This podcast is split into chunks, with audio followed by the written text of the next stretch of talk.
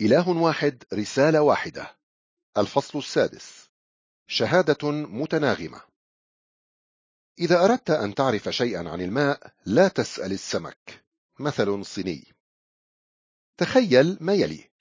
فيما أنت تسير على ضفة أحد الأنهار في يوم حار تخطر في بالك فكرة السباحة فتتساءل هل درجة حرارة المياه مناسبة؟ هل تيار المياه قوي؟ هل الأحوال العامة ملائمة؟ ينصحنا المثل الصيني ألا نسأل السمك.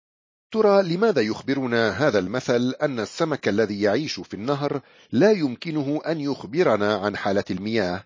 إلى جانب أن السمك لا يتكلم لغتنا ببساطة متناهية لا يمكن للسمك أن يقدم المعلومات اللازمة لأنه يفتقر إلى أي خبرة خارج نطاق المياه التي يعيش فيها.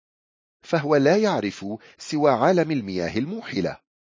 على نحو مشابه إذا أردنا أن نفهم هذا العالم الذي نعيش فيه ولماذا نحن هنا يجب أن تأتي المعلومات من خارج دائرة الإنسان المحدودة والمتمحورة حول ذاته.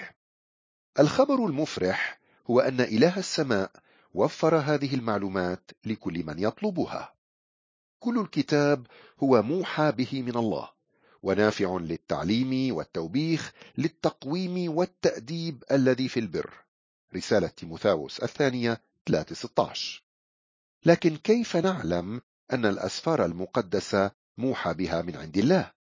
لقد رأينا في الفصل السابق كيف وضع الخالق بصمته الأصلية على الكتاب المقدس من خلال تضمينه مئات النبوات في صفحاته وهي نبوات تحققت لاحقا. الله هو الوحيد الذي يقدر أن يتنبأ مرة تلو الأخرى عن المستقبل البعيد بدقة فائقة مئة بالمئة. وهناك طريقة أخرى وضعها الله لتأكيد صحة وحيه ألا وهي أنه أعلن مشيئته للعديد من الأنبياء على مر العصور. قال الله لموسى لا يقوم شاهد واحد على إنسان في ذنب ما أو خطية ما من جميع الخطايا التي يخطئ بها. على فم شاهدين أو على فم ثلاثة شهود يقوم الأمر. سفر التثنية 19-15 هذا المبدأ معروف في كل أنحاء العالم فالمحاكم القانونية تطلب وجود أكثر من شاهد واحد للتحقق من الأحداث. وقبل قبول أي شهادة على أنها صحيحة يجب تأييدها ودعمها بالعديد من المصادر الموثوق بها.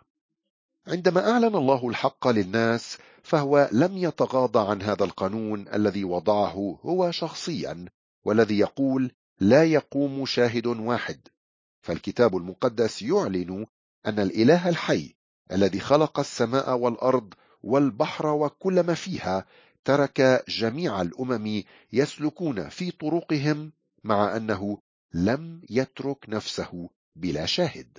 أعمال الرسل 14 15 ل 17 فحتى أكثر قبائل الأرض انعزالا عن العالم لديهم شهادة الخليقة الخارجية أي رؤية الأشياء التي عملها الخالق وشهادة الضمير الداخلية أي الإحساس الفطري بالصواب والخطأ والأبدية. فكل إنسان على وجه الأرض أعطي قدرا من النور أو الحق. لذلك يعلن الله أن البشر لا عذر لهم. ومع هذا؟ فإنه يعد بأنه سيعطي مزيدا من النور لكل من يسعى بجد لمعرفة خالقه. الله لم يترك نفسه بلا شاهد أبدا. ففي الألف سنة الأولى من تاريخ البشرية تكلم الله للناس إما بصورة مباشرة أو أنه أعلن حقه لهم من خلال الشهادة الشفهية للبشر الأوائل. فقد عاش آدم أول إنسان على وجه الأرض 930 سنة.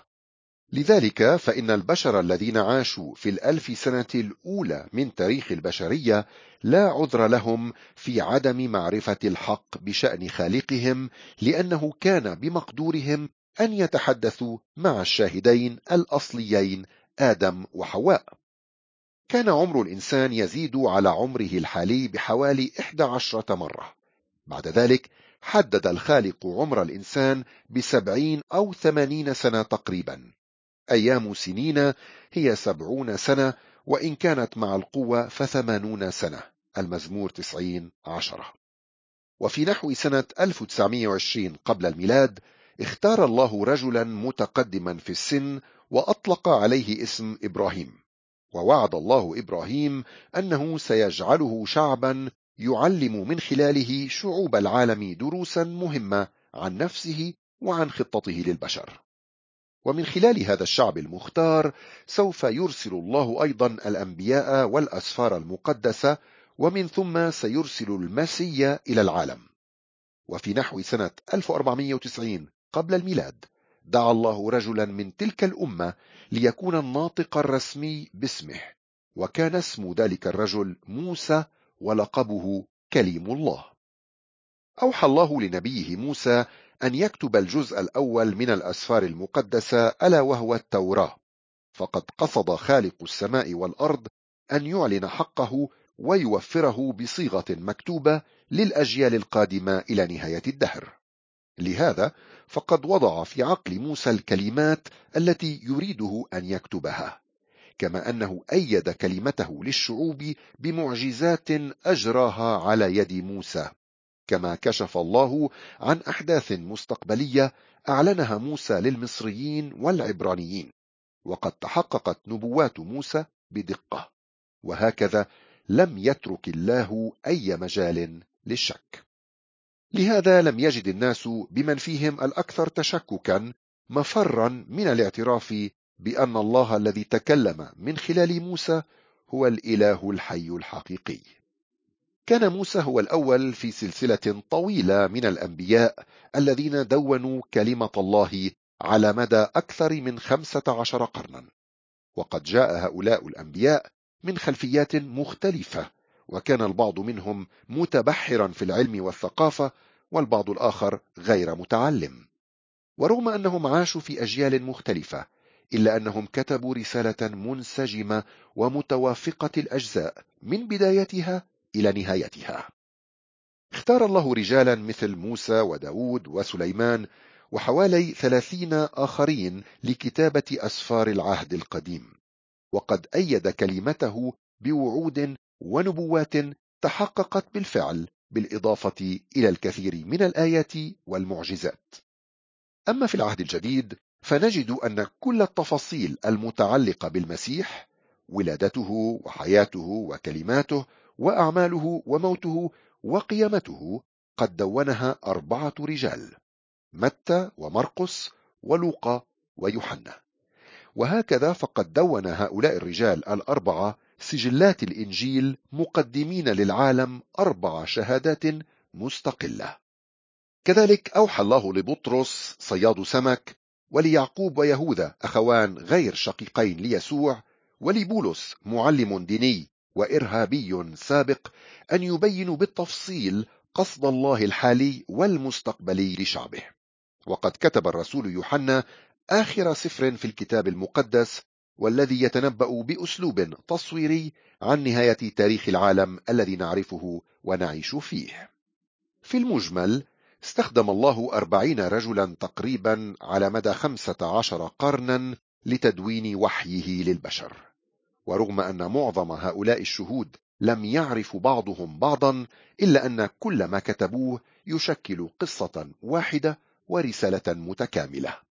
ومن غير الله السرمدي يمكنه أن يسرد مثل هذه القصة المنسجمة لأنه لم تأتي نبوة قط بمشيئة إنسان بل تكلم أناس الله القديسون مسوقين من الروح القدس. رسالة بطرس الثانية واحد واحد وعشرين. حاول الكثيرون على مر العصور أن يشككوا في كتاب العهد الجديد ورسالته.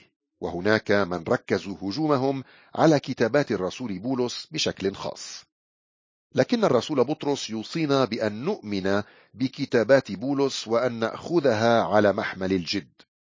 واحسبوا أنات ربنا خلاصا كما كتب إليكم أخونا الحبيب بولس أيضا بحسب الحكمة المعطاة له كما في الرسائل كلها أيضا متكلما فيها عن هذه الأمور التي فيها أشياء عسرة الفهم يحرفها غير العلماء وغير الثابتين كباقي الكتب أيضا لهلاك أنفسهم. رسالة بطرس الثانية 3 15 16 فكل ما كتبه الرسول بولس متناغم تماما مع ما كتبه الأنبياء. وقد شهد بولس عن نفسه فإذ حصلت على معونة من الله بقيت إلى هذا اليوم شاهدا للصغير والكبير. وأنا لا أقول شيئا غير ما تكلم الأنبياء وموسى أنه عتيد أن يكون. أتؤمن بالأنبياء؟ أعمال الرسل 26 22 و 27 إن جدارة الشاهد بالثقة لا تقاس بكمية الحق التي تتضمنها شهادته بل بتناغم شهادته أو عدم تناغمها. ويمكننا توضيح ذلك من خلال الحكاية الطريفة التالية. في أحد أيام الصيف الجميلة قرر أربعة أصدقاء أن يتغيبوا عن المدرسة لكي يستمتعوا بيومهم على الشاطئ. وفي صباح اليوم التالي أخبروا معلمتهم أنهم اضطروا للتغيب عن المدرسة بسبب مشكلة في إطار سيارتهم. وكم شعروا بالراحة حين قالت والابتسامة تعلو وجهها. حسنا لقد فاتكم امتحان قصير يوم أمس. لكنها أضافت على الفور اجلسوا في أماكنكم وأخرجوا قلما وورقة. السؤال الأول هو أي إطار كان سبب المشكلة؟ وبالطبع أظهرت إجاباتهم المتعارضة أن قصتهم ملفقة وغير صحيحة. لكن على النقيض من شهادة هؤلاء التلاميذ الأربعة المتناقضة فإن شهادة الله متناغمة. فقد استخدم خالقنا عشرات الشهود والكتاب على مدى أجيال عديدة لكي يعلن عن نفسه وعن خطته بتناغم تام. وفي وسط المحيط الهائج للديانات والفلسفات البشرية المتناقضة أعطانا الله صخرة ثابتة وحفظها لنا لكي ترتاح نفوسنا عليها. وهذه الصخرة هي كلمته. وعندنا الكلمة النبوية وهي أثبت التي تفعلون حسنا إن انتبهتم إليها كما إلى سراج منير في موضع مظلم. ولكن كان أيضا في الشعب أنبياء كذبة كما سيكون فيكم أيضا معلمون كذبة وسيتبع كثيرون تهلكاتهم الذين بسببهم يجدف على طريق الحق وهم في الطمع يتجرون بكم بأقوال مصنعة. رسالة بطرس الثانية واحد تسعة عشر إلى اثنين ثلاثة. وهكذا فإن كلمة الرب تحذرنا من الأنبياء والمعلمين الأنانيين الممتلئين بالطمع والذين يتجرون بكم بأقوال مصنعة. بدافع الطمع يتاجرون بكم بالأقوال المحرفة المزخرفة. ويحتوي الكتاب المقدس قصصا عديدة عن رجال ادعوا أنهم يتكلمون بكلام الله لكن رسالتهم كانت موحى بها من روح الكذب. سفر ملوك الأول 22 22 كما أن الكتاب المقدس يصف فترة في تاريخ إسرائيل وجد فيها 850 نبيا كاذبا ونبيا حقيقيا واحدا فقط هو إيليا. ورغم أنه كان هناك سبعة آلاف عبراني يؤمنون بالله الحقيقي الواحد إلا أن ملايين الناس اختاروا أن يصدقوا الشهود أو الأنبياء الكذبة. لهذا كتب أحد أنبياء الله الأمناء هو النبي ميخا هكذا قال الرب على الأنبياء الذين يضلون شعبي الذين ينهشون بأسنانهم وينادون سلام والذي لا يجعل في أفواههم شيئا يفتحون عليه حربا. سفر ميخا 3 وهذا هو ما حدث ويحدث مرة تلو الأخرى عبر التاريخ. لهذا فقد حذر يسوع قائلا ادخلوا من الباب الضيق. لأنه واسع الباب ورحب الطريق الذي يؤدي إلى الهلاك وكثيرون هم الذين يدخلون منه. ما أضيق الباب وأكرب الطريق الذي يؤدي إلى الحياة وقليلون هم الذين يجدونه. احترزوا من الأنبياء الكذبة الذين يأتونكم بثياب الحملان ولكنهم من داخل ذئاب خاطفة. من ثمارهم تعرفونهم. هل يجتنون من الشوك عنبا أو من الحسك تينا؟ هكذا كل شجرة جيدة تصنع أثمارا جيدة. وأما الشجرة الردية فتصنع أثمارا ردية. إنجيل متى 7 13 إلى 17 على مر القرون ظهر الكثير من الأنبياء والمعلمين الكذبة ثم اختفوا. البعض أثروا في المئات والألاف بينما اقتاد البعض الآخر ملايين بل ربما بلايين النفوس إلى الطريق الذي يؤدي إلى الهلاك. لهذا إذا أردت أن تحمي نفسك من أن تصبح واحدا من أولئك العميان الكثيرين الذين اختاروا أن يتبعوا نبيا كاذبا يقودهم إلى الهلاك فعليك أن تمتحن تعاليم ذلك الشخص بالطريقة التالية. رسالة النبي الحقيقي تنسجم دائما مع أسفار الكتاب المقدس النبوية المؤكدة التي سبقته. فكر في الحالات الثلاث التالية عن رجال ادعوا أنهم أنبياء مرسلون من عند الله.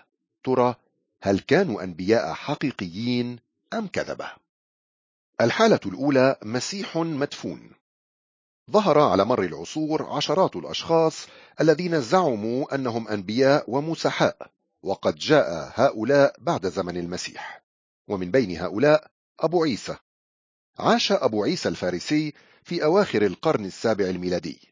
وكان أتباعه يؤمنون أنه المسيا لأنه وعدهم بالنصر ومع أنه كان أميا إلا أنه يقال بأنه ألف كتبا لكن رسالته كانت تتعارض مع الأسفار المقدسة. علم أبو عيسى أتباعه أن يصلوا سبع مرات في اليوم وأن يتبعوه في المعركة واعدا إياهم بالحماية الإلهية. لكن بعد أن مات أبو عيسى في إحدى المعارك ودفن ولم يتمكن من العودة إلى الحياة مرة أخرى اضطر أتباعه أن يعترفوا بأنه لم يكن المسيح. قبل زمن أبو عيسى بوقت طويل حذر يسوع سامعيه لأنه سيقوم مسحاء كذبة وأنبياء كذبة ويعطون آيات عظيمة وعجائب حتى يضلوا لو أمكن المختارين أيضا. ها أنا قد سبقت وأخبرتكم. إنجيل متى؟ 24 24 ل 25 الحالة الثانية نبي انتحاري. أسس جيم جونز طائفة دعاها معبد الشعب. كان جيم واعظا مشهورا في أوائل السبعينيات في مدينة سان فرانسيسكو بكاليفورنيا وقد عرف بقدرته على دفع الألاف للانخراط في السياسة وفي المشاريع التي ترمي إلى مساعدة الفقراء. دعا جيم نفسه النبي وزعم أنه يمتلك القدرة على شفاء مرضى السرطان وإقامة الموتى. بعد ذلك نجح جيم جونز في إقناع أكثر من ألف من أتباعه على الذهاب معه إلى جونز تاون في غويانا بأمريكا الجنوبية. وفي هذا المجتمع الجديد وعد النبي جيم أتباعه بحياة مليئة بالسلام والسعادة لكن هذا كله كان كذبة كبيرة. لم يكن جيم إلا ذئبا شرسا بثوب حمل فقد أوردت صحيفة سان فرانسيسكو كرونيكل بتاريخ 18 تشرين الثاني نوفمبر 1978 جونز يأمر أتباعه أن يقتلوا أنفسهم عن طريق تناول حبوب السيانايد وكل من يرفض سيعطى هذا السم رغما عنه. وقد تم قتل الأطفال بحقن سامة. وهكذا تم العثور على 914 جثة في جونز تاون ومن بينها جثة جونز نفسه.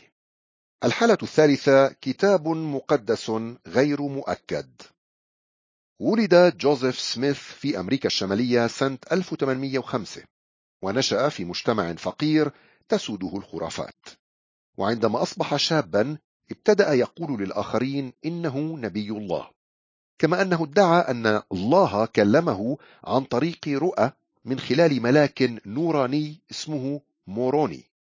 كتب جوزيف تملكتني قوة سرت في جميع أوصالي وكان تأثيرها قويا لدرجة أن لساني انعقد فلم أعد قادرا على التكلم.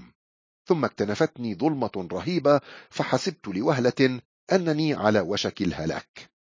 ثم أضاف بأن عمودا من نور ظهر فوقه وكان نوره أعظم من نور الشمس وأن هذا العمود راح ينخفض شيئا فشيئا إلى أن استقر على رأسه.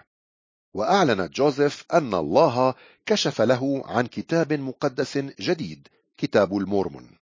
وأخبر أتباعه أن الكتاب المقدس جاء من عند الله وأن كتابه الجديد كان إعلان الله الأخير. علم جوزيف أتباعه أن يتلوا صلوات معينة وأن يصوموا وأن يخرجوا صدقة عن أموالهم وأن يفعلوا الخير وأن يقبلوه نبيا. لكن جوزيف كان يبيح لنفسه أن يعيش حياة أنانية منغمسة في الشهوات. ورغم أن إعلانات جوزيف سميث لم تكن مدعمة بشهادات أي شهود آخرين رغم ادعائه بوجود ثلاثة شهود ورغم أن كتابه يتعارض مع الكتاب المقدس ومع الحقائق التاريخية والاكتشافات الآثارية إلا أن ملايين الناس ما زالوا يعتنقون هذه البدعة التي تدعى المورمون. كما أن كنائس المورمون الغنية ترسل مرسليها إلى جميع أنحاء العالم وفي كل يوم ينضم العديد من الناس إلى ديانة المورمون ويطلق عليهم اسم قديسو الأيام الأخيرة. معظم المورمون هم أناس جادون لطفاء. لكن إذا قارنت رسالة النبي جوزيف بما أعلنه وكتبه أنبياء الكتاب المقدس فسوف تكتشف أن الكتابين مختلفان تماما. من الجهل أن نعلق مصيرنا الأبدي على رسالة متناقضة وغير متناغمة أعلنها شخص قال عن نفسه إنه نبي من عند الله وذلك بصرف النظر عن مستوى ذكائه أو فصاحته في الكلام لأن الشيطان نفسه يغير شكله إلى شبه ملاك نور. رسالة كورنثوس الثانية 11-14 في عالم محير استبدل فيه كثيرون حق الله بالكذب. رسالة رومية 1-25 ميز الله حقه بوضوح تام عن الأصوات الكثيرة الأخرى المضادة. إحدى الطرق التي أكد فيها الله رسالته هي أنه أعلنها بصورة تدريجية وبتناغم عجيب وتام لأنبياء كثيرين عبر أجيال عديدة. ولا يمكن لأحد سوى هذا الكاتب الإلهي الآزلي أن يعطي وحيا كهذا. تناولنا في الفصول القليلة السابقة العديد من البراهين التي تبين أن الكتاب المقدس هو كلمة الله. لكن رغم قوة إقناع هذه الحقائق فإن أقوى حجة على رسالة الله هي أن تسمعها وتفهمها وتقبلها. إن قصة كتاب الله التي تنكشف أمامنا تعرفنا بالإله الذي يسمو على أفكارنا وعقولنا كما أنها تعرض أمام أعيننا مجد خالقنا وطبيعته الكاملة المتوازنة. إنها تحرر البشر من خوفهم من الموت وتعطيهم رجاء أكيدا بالحياة الأبدية. كما أنها تغير طبيعتهم وتصرفاتهم وتقودهم إلى الله الحقيقي الواحد. لهذا لا يمكن لأي شيطان أو إنسان أن يكون قد أتى بمثل هذه الرسالة. لكن أرجو منك أن لا تعتمد على كلامي فقط بل امتحن كل شيء. تمسك بالحسن. رسالة تسالونيك الأولى 5 21